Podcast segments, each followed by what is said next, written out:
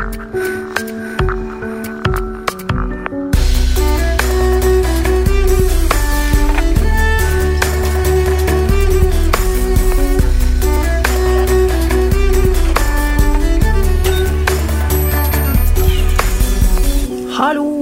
folkens. Hjertelig velkommen til en uh, ny episode av Nerve.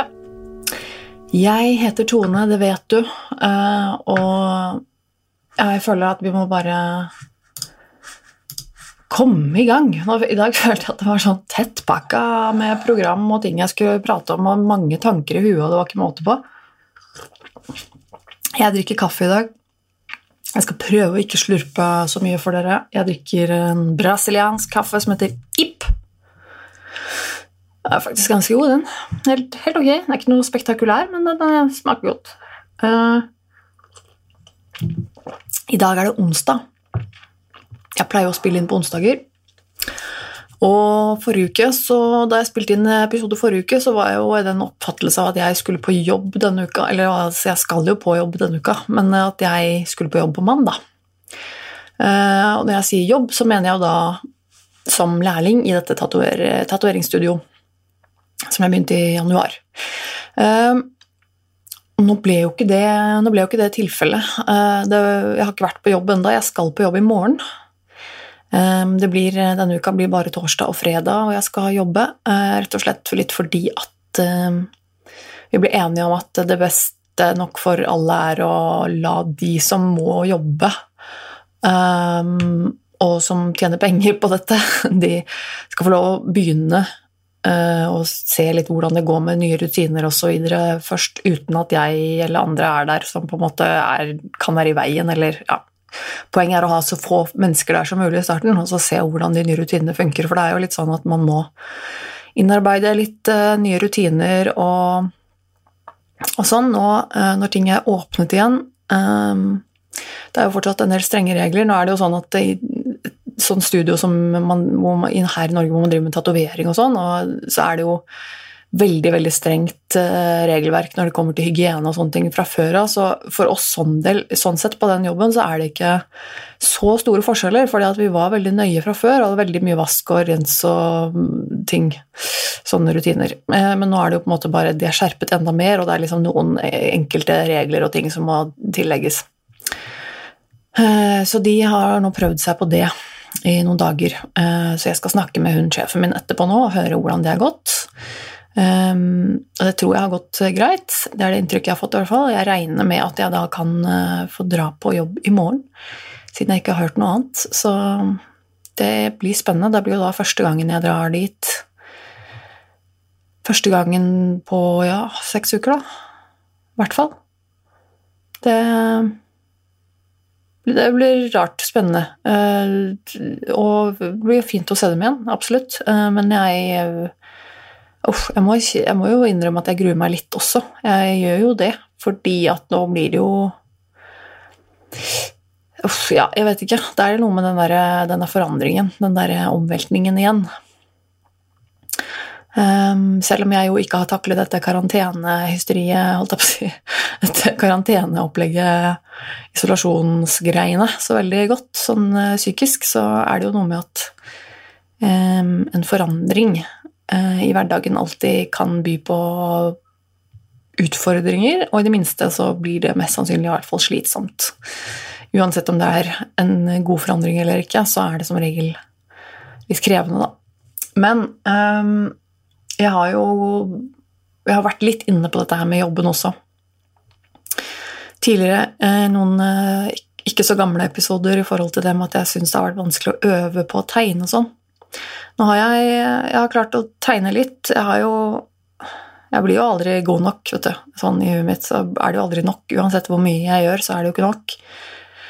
Det er jo jævlig slitsomt. Men eh, jeg har tegna litt, og jeg har eh, også sendt da til uh, sjefene mine at uh, bilder av det jeg har gjort, så de vet i hvert fall at jeg har ikke bare vært syk, jeg har også fått jobbet litt. Det har jeg også Jeg har laget en laget en eh, video på YouTube også her nå for et eh, par dager siden, vel, um, hvor jeg snakket litt om det. Og Uh, viste fram noen av tegningene mine. Du må gjerne sjekke ut uh, YouTube-videoene mine. Altså, det setter jeg stor pris på. Um, sier det igjen, jeg kommer til å fortsette å si det også, men um, jeg skal linke til den uh, YouTube-videoen i shownotes, eller så søker du på navnet mitt, og så finner du meg. men det er jo noe med det at um,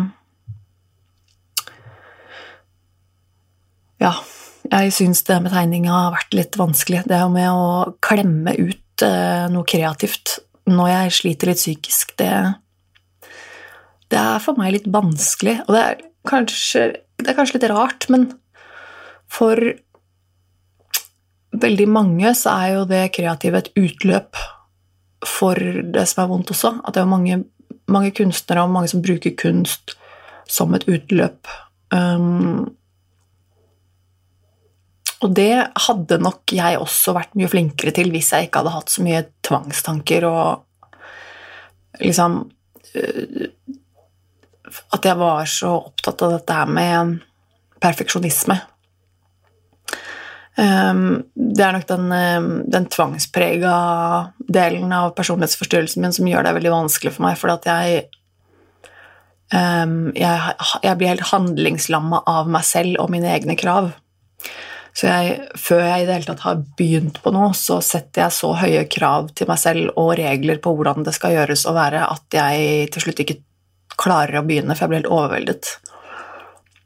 Um, og føler meg altfor dårlig, og dette går ikke an, jeg klarer ikke, og jeg orker ikke. Jeg orker ikke hele prosessen å begynne å jobbe meg gjennom det og liksom begynne å se at det er stygt, det er stygt, det er stygt, det er stygt, og så kanskje det blir ganske fint på slutten. Uh, kanskje. Noen ganger så syns jeg det Ja, ja, ok, dette det ble, ja, det ble kult liksom, til slutt. Men det er ikke alltid det.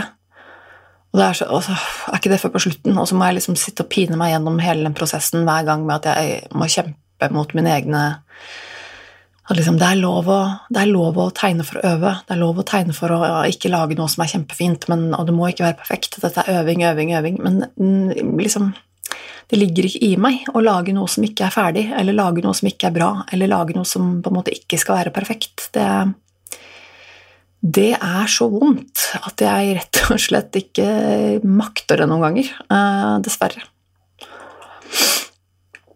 Og det er um, Det er noe dritt. Det er noe ordentlig dritt. Men jeg har i hvert fall prøvd. Jeg har laget noe, så sjekk ut YouTube hvis du vil se dem. Um, og så rett og slett. Jeg, jeg prøver. Jeg, skal, jeg, er jo blitt litt bedre. Det er jeg. Uh, og så er um, I morgen det blir, mye, oh, det blir mye i morgen. Jeg tenker jeg kommer til å være ganske sliten når jeg kommer hjem i morgen. I morgen skal jeg da tidlig opp, for jeg skal på jobb, så jeg må være der tidlig for jeg skal vaske. Uh, og så etter jobb så skal jeg hjem en tur. Uh, må jeg huske å kjøpe med meg en flaske vin på veien, fordi vi Altså, jeg og min samboer er invitert på en parmiddag i morgen kveld. Um, det er, eh, tror jeg Altså, jeg har jo vært på parmiddag før, liksom, men det er lenge siden. Uh, og det er i hvert fall første gang jeg drar på en parmiddag sammen med min samboer. Og ifølge det han selv har sagt, så er det hans første parmiddag ever. så det er liksom um, litt uh, weird, men altså veldig koselig. Og det er liksom Eh, jeg syns jo sånne ting er litt sånn skummelt, men nå, nå er liksom Jeg syns jo det for å gå på en date er mye skumlere, for da er det jo bare meg.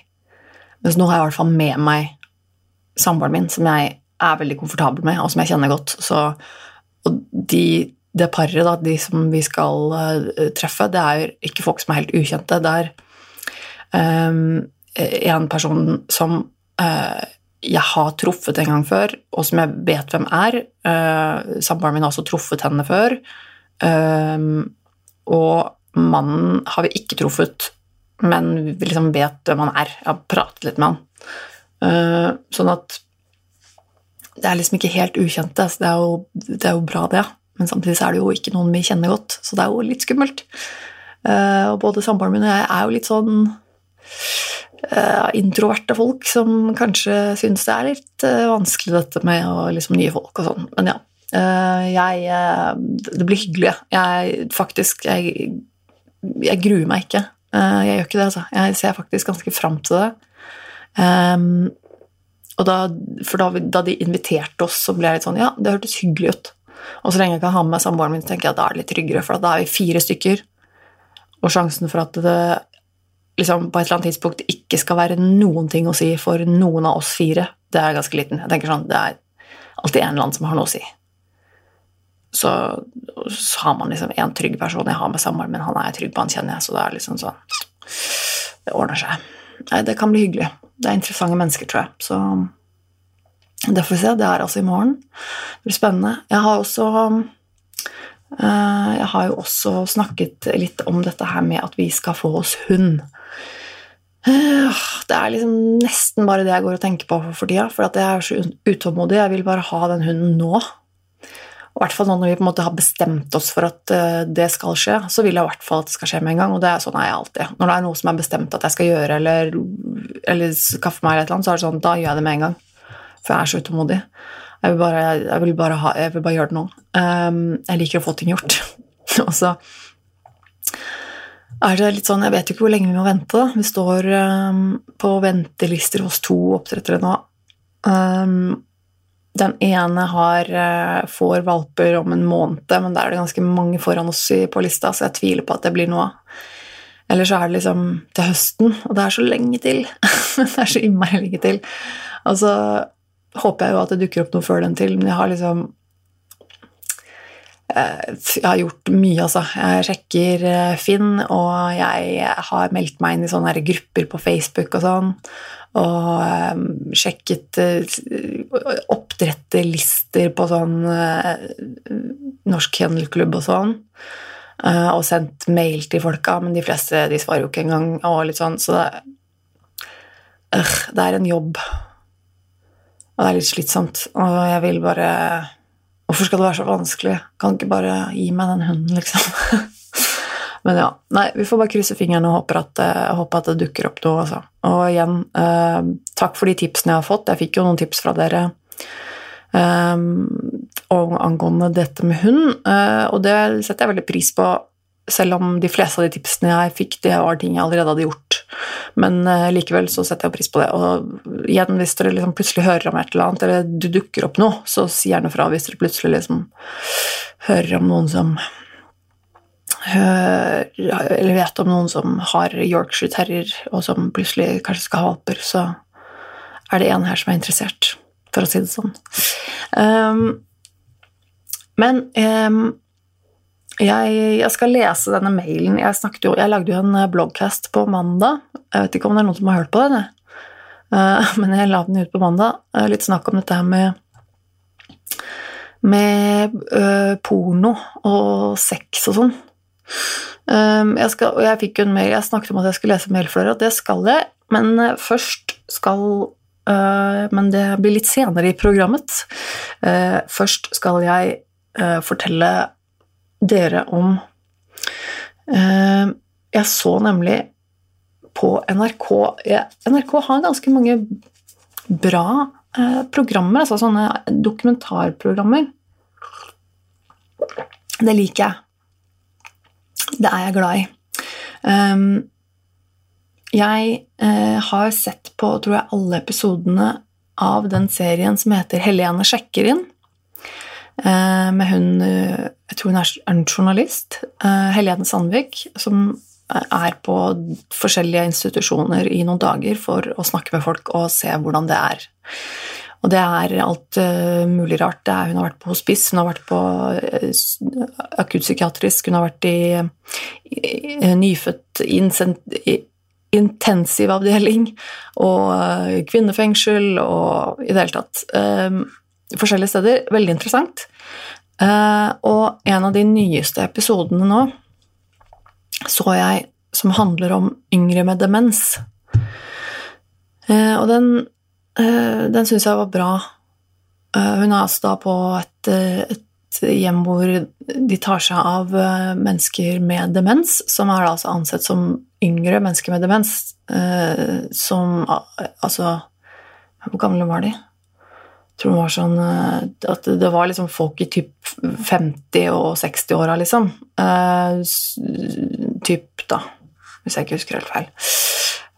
uansett syns jeg det var en veldig interessant uh, Jeg syns det var en veldig interessant episode. Det var um, Det var veldig Det var veldig um, liksom sterkt og rørende også se også familiene og høre om disse historiene om hvordan det påvirker hvordan det påvirker familie og pårørende og de tingene der, og bare hvor fascinerende jævlig den sykdommen er, da, på en måte. Altså sånn at, hvordan demens, hva slags effekt det har på hjernen, det er jo helt merkelig. Det er virkelig eh, fascinerende grusomt. Um, og så satt det jo Og så fortalte de jo liksom De snakket med litt pårørende, og uh, det var jo blant annet noen uh, En uh, familie som hadde en en, en far da, som hadde demens. hvor Han hadde da blant annet en, en datter som var typ 15 år gammel. Og jeg tenker meg at det er ganske det er ganske tøft. altså Å være 15 år, og så har du en, en, far som på en måte ikke er der lenger. på en måte. Han er helt, annet, blitt helt noe annet enn seg selv, fordi han husker ikke deg, husker ikke seg selv og klarer nesten ikke å snakke. Og, og det var veldig tøft. veldig Eh, jeg, jeg, likte Det var veldig bra dokumentar, men det fikk meg også til å Det fikk meg også til å føle meg på en måte litt bedre, fordi jeg um, hadde en farmor som hadde demens. Um, hun døde for et par år siden. Og uh, jeg har jo, som dere sikkert har fått med dere, så har jeg aldri hatt veldig jeg har ikke et veldig nært forhold til min familie. Min biologiske familie er liksom um, Det har alltid vært uh, litt sånn Jeg har vært litt utafor, har jeg følt. Uh, og jeg treffer dem jo ikke ofte. Snakker med dem ikke spesielt ofte. Uh, men Og min jeg, hadde, jeg vokste opp med, med fire besteforeldre. Mine besteforeldre på morssiden var var ikke så mye sammen med. De hadde så mye barn og barnebarn at jeg tror jeg egentlig var ganske interessant. Og jeg syns egentlig de var ganske interessante, for helt ærlig. Og så hadde jeg en eh, farmor og en farfar som var skilt lenge før, uh, lenge før jeg ble født. Min farfar hadde en, uh, fått seg en ny kone og, og flyttet et stykke unna. Han traff ikke så ofte. Men min farmor var jeg mye sammen med i oppveksten min. Hun var ofte barnevakt, og vi var ofte på besøk hos henne, og jeg elsket det. Og var veldig glad i henne. Og hun var alltid så god og snill, og hun var en sånn klassisk, klassisk farmor, liksom. Eh, den type besteforeldre som eh, alle barn elsker, liksom. Eh, jeg, hadde, jeg var veldig glad i farmor. Og så, blir det jo, og så var det jo sånn at jeg etter hvert mot de siste årene hennes ikke så henne så veldig ofte. Det var jo liksom noe med at man mm, man blir voksen, og man flytter og får sine egne folk og holdt opp sin familie å styre med. Og siden jeg i utgangspunktet kanskje ikke var så nær familien min fra før av, så ble jeg på en måte ble det ikke så naturlig for meg å dra på egen hånd og besøke farmor, dessverre. Vi bodde ikke på øh, øh, i nærheten av hverandre. Hun bodde en liksom annen del av, eh, av eh, en annen del av Østlandet, for å si det sånn. Og jeg har jo aldri hatt bil og sånne ting, så det, det ble på en måte det, ble, det, var bare sånn det ble. Jeg så henne ikke så ofte. Men hun fikk demens, og ble etter hvert ble etter hvert veldig dårlig med det. Og jeg husker at jeg reagerte ganske dårlig på det. Jeg husker eh, første gang jeg la merke til at hun begynte å bli eh, surrete, da. eh, var en gang vi var samlet hjemme hos mine foreldre. Spiste middag eller noe sånt. Og så var det bilde av eh, Var det bilde av min, min, pappa i et, eh, et magasin.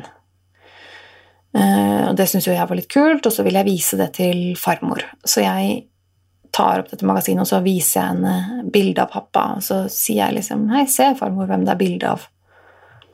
Og så sier hun 'Å ja, men se, ja, det er jo Jan'. ikke sant?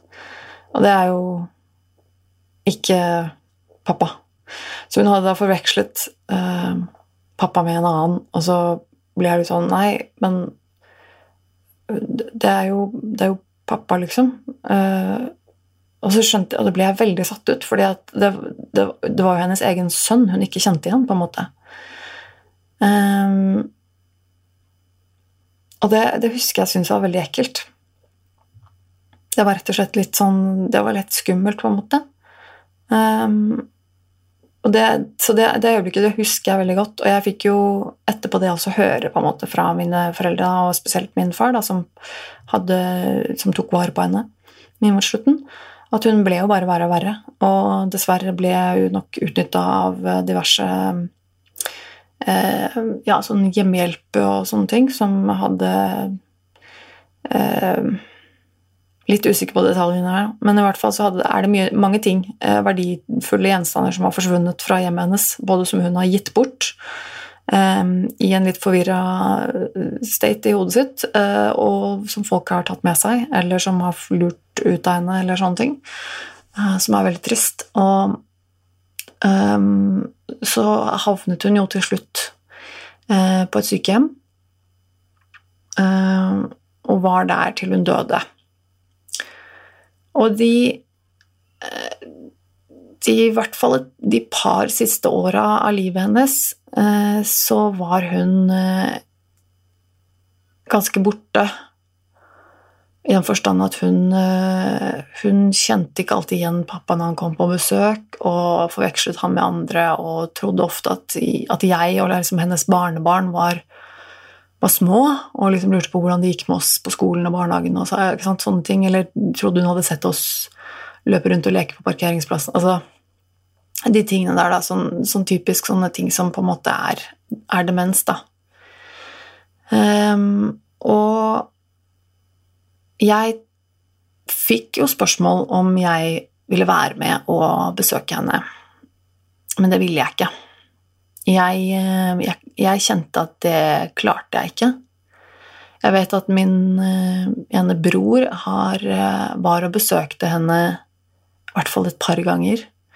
Og jeg spurte han på en måte hvordan, hvordan det gikk, og han, jeg fikk liksom inntrykk av han at han syntes det var trist, han, og at farmor ikke på en måte egentlig visste hvem han var, på en måte. At, og, at, og jeg tenker jo også at jeg tenker jo liksom på, både for oss, men også for henne, at det må være utrolig forvirrende og vondt og vanskelig å, å ikke forstå, eller på en måte kanskje at du et sted inni deg så tror du at barnebarna dine er bitte små, og, og så kommer det plutselig en mann på besøk som sier at han er en person som ikke du skjønner at han er, og liksom 'jeg er barnebarnet ditt', nei, men barnebarnet mitt er jo de er jo bitte små. Altså, jeg skjønner ikke altså, Det må være utrolig forvirrende.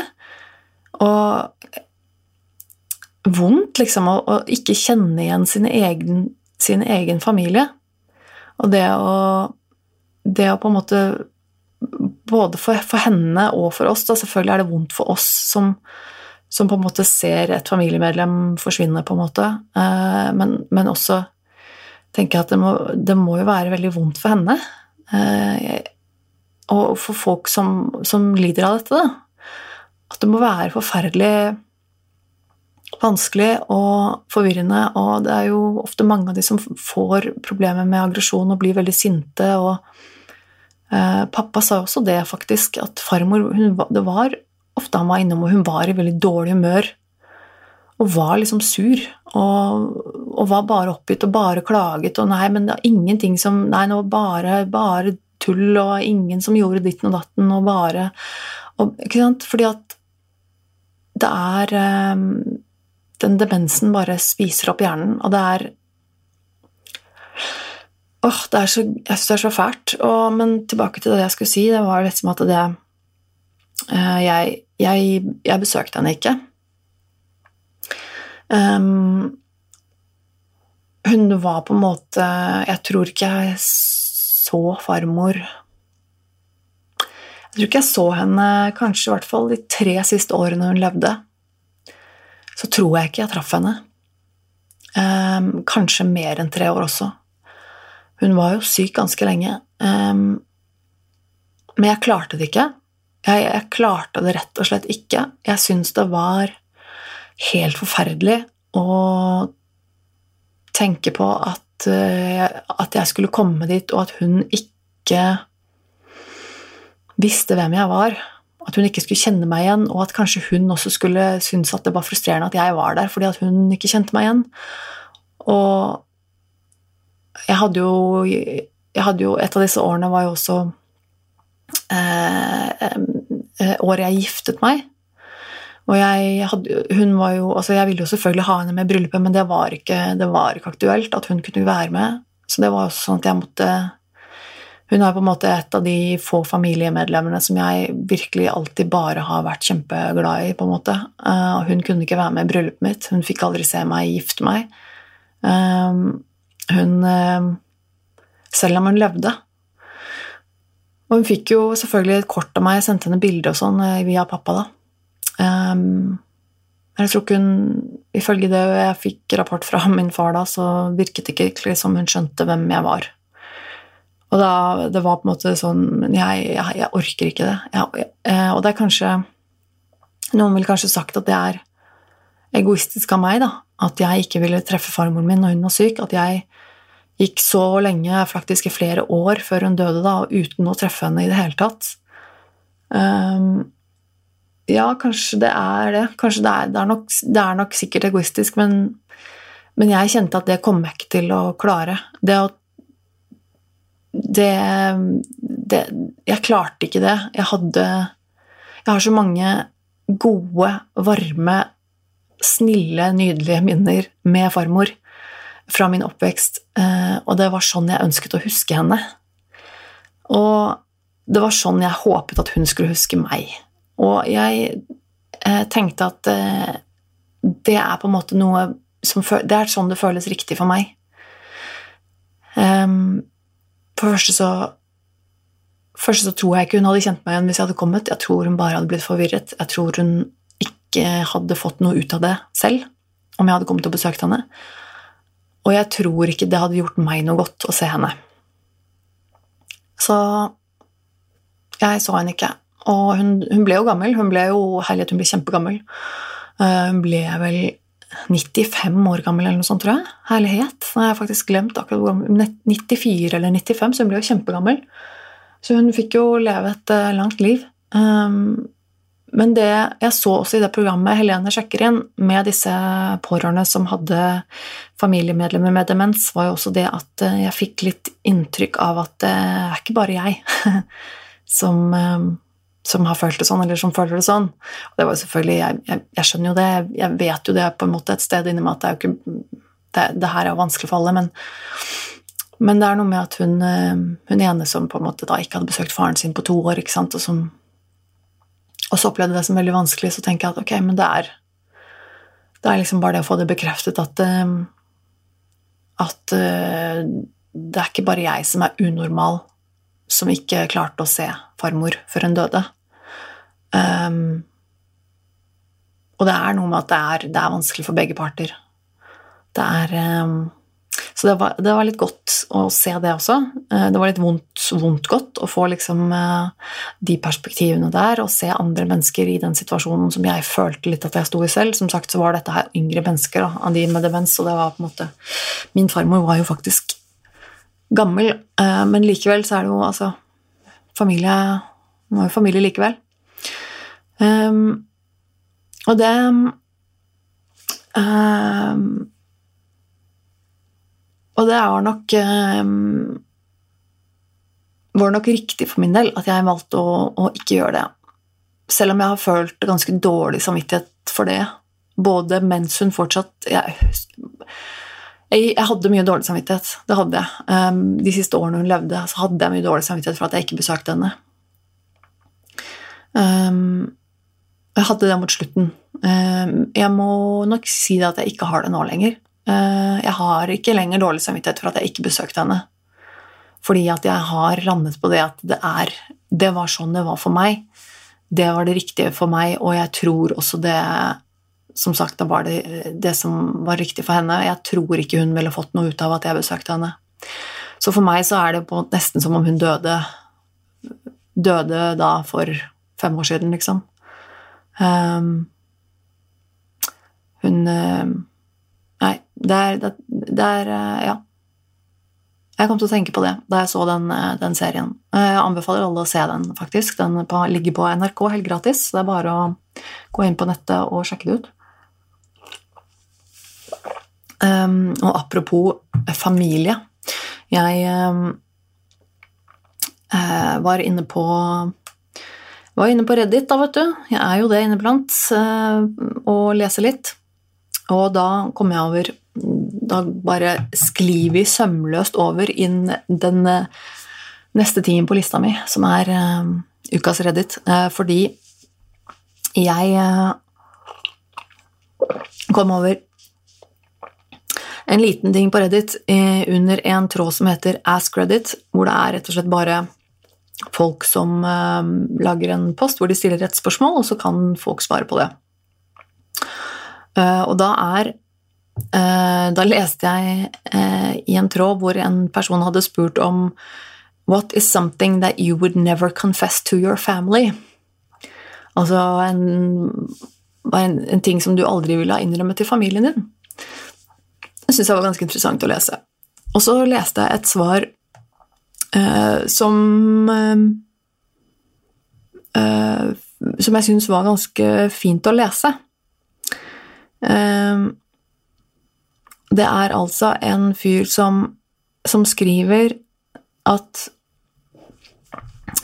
That I don't feel like a part of the family. I feel like I don't belong, and I and like I'm just a substitute for when my brothers isn't around. I don't feel respected or wanted. I feel like my girlfriend's family likes me more than they do. And if I had the funds too, I would have moved out long ago. Uh, and they probably wouldn't have seen or heard from me since part from maybe Christmas. And that is only because of my cousins. Og jeg føler den traff meg ganske hardt. det er liksom bare den at, eh, at, denne personen da ytret at jeg føler bare at jeg ikke er en, en, del av familien. At jeg ikke hører til. Um, og det var litt sånn Ja, det er, egentlig, det er egentlig det jeg også føler i forhold til min familie. Jeg er rett og slett bare utafor. Uh, det er uh, Det kjente jeg meg igjen i. Det er egentlig det jeg føler. Uh, I forhold til min familie så er det litt som en tante-onkel-følelse, kanskje, for mange. da. At det blir litt sånn derre Ja, ja, de er der, men jeg um, jeg, vet ikke, jeg vet ikke Nei, det er liksom den følelsen med å ikke ikke høre til. At jeg følte meg litt utafor, rett og slett. Jeg føler jo at de, de andre i familien min, de, så, de er så familie sammen. Uh, men jeg hører jo ikke til. Liksom. Jeg er bare utafor. Jeg er jo liksom det svarte fåret. Jeg er uh, hun som ikke fikk det til, og hun som hadde så mye problemer, og uh, hun som ikke har barn, hun som ikke har jobb, hun som har uh, Ikke sant? De tinga der. Og det um, Også det med at jeg har jo jeg, jeg føler meg på en måte nærmere min svigerfamilie enn min egen familie på mange måter, i den forstand at jeg eh, Jeg har jo nå en samboer som jeg har vært sammen med i halvannet år. Men jeg er kjempeglad i foreldrene hans, eh, og jeg vil jo mye heller treffe dem enn å treffe min egen familie. Eh, og føle at de de bryr seg jo og er glad i meg mer enn min egen familie er, omtrent. Det er jo liksom sånn føles, fordi de spør jo om ting. De, de er interessert i i oss, i meg. Um, nei, så jeg tror det er litt sånn Og det er litt sånn det har vært for meg òg. Altså, den vedkommende på Reddit som skriver at uh, hvis jeg hadde hatt penger, så hadde jeg flyttet ut lenge før. Og de hadde trolig ikke sett meg eller hørt fra meg i det hele tatt, bortsett fra kanskje i jula. Og det er jo det er jo sånn det er for meg. Jeg også hadde jo flyttet hjemmefra mye tidligere hvis jeg hadde hatt mulighet til det. Og det er sjelden jeg snakker med familien min, og veldig sjelden jeg ser dem. Uh, og i fjor så feira jeg jo ikke jul sammen med dem engang, så kan det virke det som om jeg kanskje slutter med det heretter. Um, det er litt sånn men det var litt godt å høre at uh, Igjen, det der med at du, du, får bekreftet at det er andre som også, som også føler at man ikke hører hjemme i sin egen familie. Og det er ikke noe nødvendigvis Og det er ikke det er ikke sikkert det er noen sin skyld engang, på en måte. Uh, og det fins hundre grunner til at det kunne blitt eller ikke kunne blitt sånn det ble for alle oss, på en måte. Men Eh, men det var egentlig likevel veldig godt å, å lese det, fordi at du får så Det er så innmari mye Det er så innmari mye familie rundt omkring. Alle er liksom en familie eller har familie. Enten har unger og barn og kone og det der, eller så har de liksom Og de er så glad i foreldra sine og søsknene sine og barnebarn og nieser og jeg vet ikke hva. Uh, familie, familie, familie. Det er liksom det, det viktigste for folk. og det er liksom, kunne aldri levd uten familien min, og mora mi er min beste venn. ikke sant, Det greiene der. Det er så fremmed for meg. Det er så ekstremt fremmed for meg. Uh, og det er um, så, så, jeg klarer ikke å relatere til det i det hele tatt. Så jeg føler jo på en måte ofte at det, er noe, at det er noe galt med meg, fordi at det er liksom det som er normen. At det er et sånt forhold man har til familien sin. Og jeg har jo ikke det i det hele tatt, så jeg blir helt sånn der Herregud, hva er det som er galt med meg? Men så da er det jo noen ganger litt godt å komme over sånne tråder som det på Reddit, hvor man bare leser at jo, det er faktisk andre mennesker der ute som også føler litt på samme måte. Og det er greit, liksom. Det er eh, Eller hva skal jeg si, det er ikke sikkert det er greit, men det er i hvert fall lov. Det er, det er lov. Det er sånn det er noen ganger. Um, ja. Uh, jeg tenker at um, jeg uh, Jeg dropper ukas tabuord, for det, jeg, det blir for langt, rett og slett, folkens. Ja, jeg vet at det er mange dere der ute som liker at jeg lager lange episoder, det er veldig fint, men jeg har en post til på, på agendaen, og det er dette her som jeg lovte dere at jeg skulle uh, lese. For jeg fikk jeg snakket jo om dette med porno, og spesielt jenter og porno og slikt. Jeg spurte litt om tilbakemeldinger fra dere der ute og litt sånne ting. Eh, og jeg fikk en mail eh, som jeg syns Som jeg syns var ganske fint. Og skal jeg se om jeg bare finne den fram her Hvor var ikke den, da? Ja Her var den. Der. Uh, ok. Jeg skal selvfølgelig lese den anonymt. Uh, og vedkommende skriver Hei, takk for ukas høydepunkt. Bare der så ble jo jeg helt sånn What? Er jeg Er jeg noens ukas høydepunkt? Bare det er jo helt insane. Uh, kult. Altså meg, liksom. Er jeg noens ukas høydepunkt? Unnskyld, ja, jeg skal fortsette. Det ble litt satt ut allerede der, jeg. Uh, takk for ukas høydepunkt. Jeg får uh, ofte ikke hørt episoden med en gang, for jeg må sørge for at jeg får hørt hele i strekk uten at noen avbryter. Derfor har jeg ikke hørt episode 59 ennå. Hvis du får til en livesending av poden, skal jeg få den med meg. Det hadde vært så koselig. Uh, altså gjelder denne her mailen for episode 58, som er den som handlet om porno. Før episode 58 etterlyste du uh, pornspiration fra andre jenter, men du fikk tydeligvis ikke så mye respons. Nå kan jeg bare snakke ut fra meg selv, men kan det komme av at vi er flere som ikke tenner så visuelt? Jeg har sett minimalt med porno alene, jeg har sett mer sammen med partner. Søker jeg porno alene, er jeg mer interessert i noveller eller bøker. Og ettersom jeg er litt eldre, uh, jeg er omtrent like gammel som samboeren din, syns jeg porno blir mer og mer vanskelig. De fleste jentene kunne jo nesten vært datteren min hvis jeg hadde startet litt tidlig med å få barn. I tillegg er det noe med en følelse av å ikke se bra nok ut som det, ikke, ikke se bra nok ut som dette trigger i meg i større grad enn da jeg var 18. Det minner meg på det jævla fysiske forfallet, at jeg aldri kommer til å se bedre ut enn det jeg gjør nå.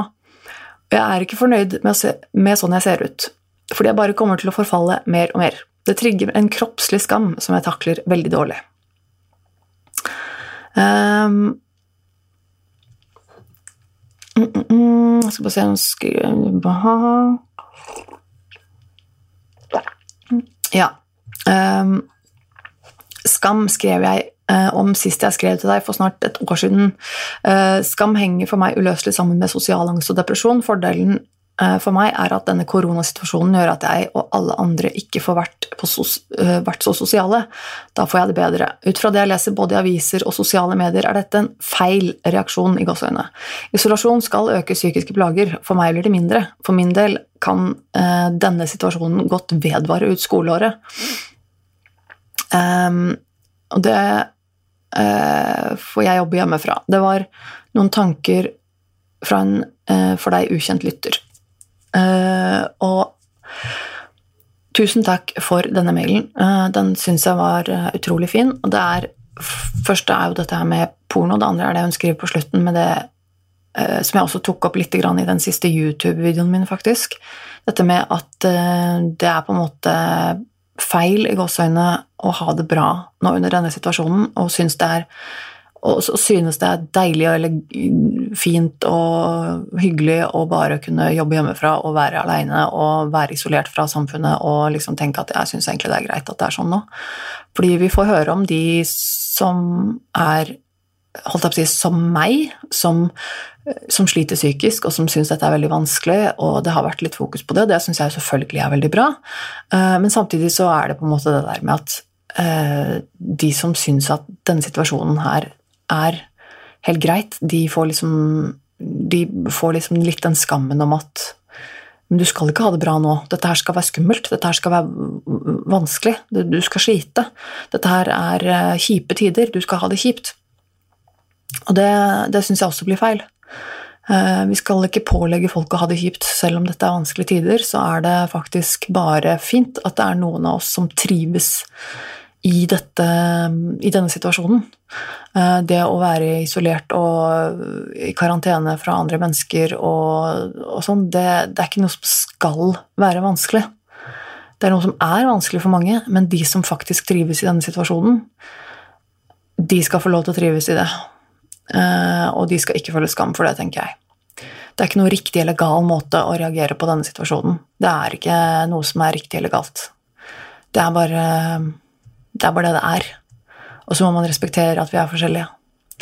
Eh, så jeg sier til deg, kos deg så lenge det varer. Jeg vet ikke om du er tilbake på, på jobb nå, eh, siden du sendte denne mailen til meg, men eh, kos deg, sier jeg bare. Nyt situasjonen, og ikke skam deg. Du skal bare føle deg heldig. Fordi at det, det er fantastisk at til dere som trives i denne situasjonen, kjempebra. Kos dere med det. Uh, og angående det du leste uh, Nei, det du skrev om uh, porno her um, Hun skrev jo at um, at um, at at vi er flere som ikke tenner så visuelt. Og det syns jeg også var litt uh, interessant, for jeg mener også å ha uh, å ha lest Stemmer ikke det? Har, har ikke jeg lest en muligens en eller annen gang at det, at det er uh, forsket på dette her med tenning angående at menn ofte tenner mer visuelt enn det kvinner gjør på generelt grunnlag. Er det ikke det? Jeg mener, det kan hende jeg husker feil, men jeg mener å ha lest noe om det. Um, og hun skriver jo også at, uh, at hvis hun søker etter noe alene, så er det ofte noveller eller bøker. Um, og det ha, Kanskje jeg skal prøve det. Kanskje jeg skal finne meg noen uh, erotiske noveller. Det tror jeg faktisk aldri jeg har Jeg tror ikke jeg har lest det før. Jeg er ikke så glad i å lese eller flink til å lese, men altså, novelle er jo ikke så lang, da, så kanskje det hm. Interessant. Um, og så skriver hun jo det at, eh, at mange av disse eh, folka og jentene som er med i porno, ofte er så unge at de kunne vært datteren, liksom. Og det er jo Eh, den skjønner jeg. Den kan jeg også Jeg kan også kjenne litt på det. Selv om jeg er yngre enn vedkommende som har skrevet den mailen her, så kan jo jeg også tenke på det, liksom. At herregud, de er bare unger, de folka som er med i de filmene her. Det er ikke nødvendigvis at det er så opphissende for min del. Kan det være.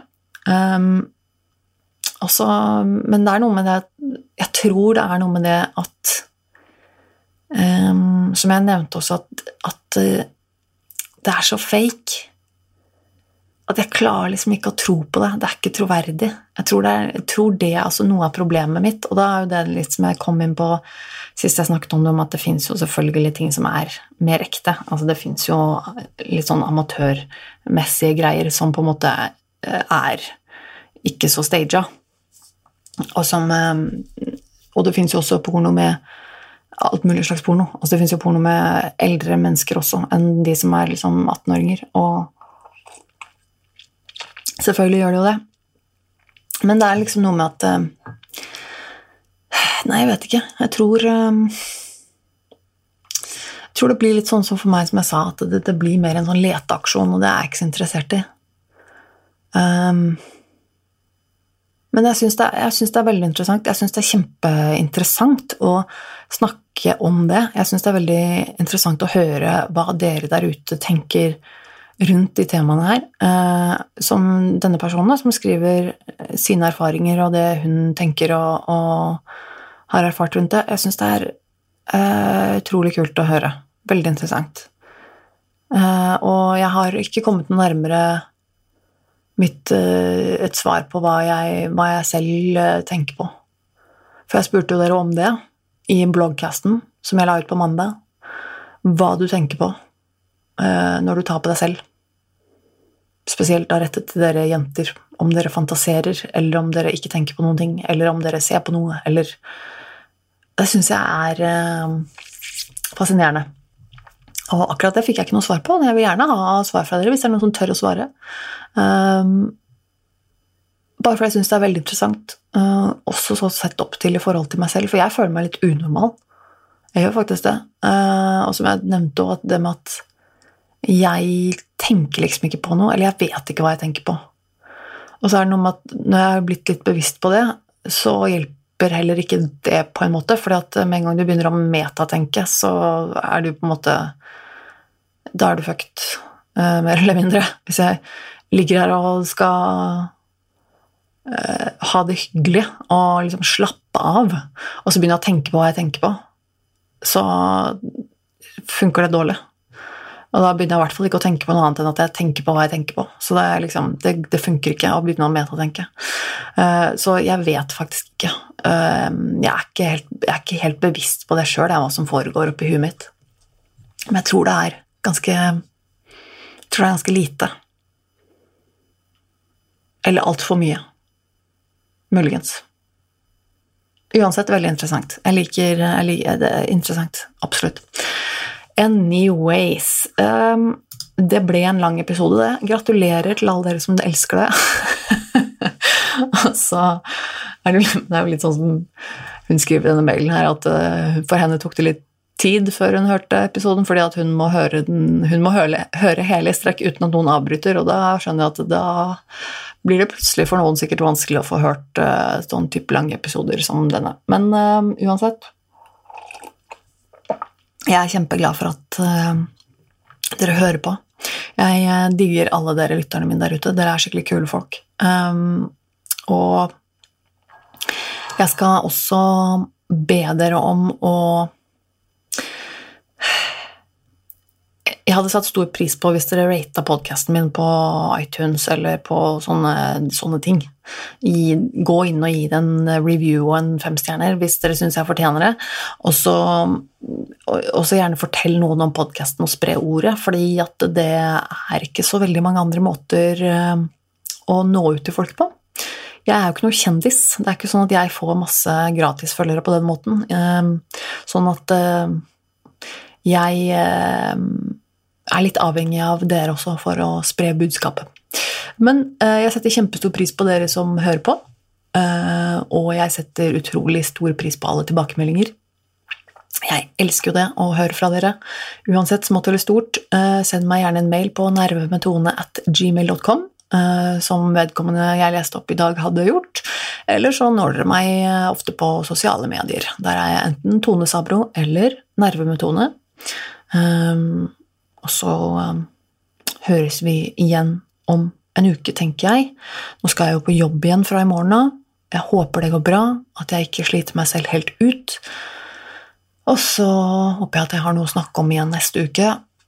Og så um, at du hører på da også. Det hadde vært hyggelig. Uansett, ta vare på deg selv. Um, så skal jeg også prøve å gjøre det samme. Og så høres vi igjen snart. Ha det!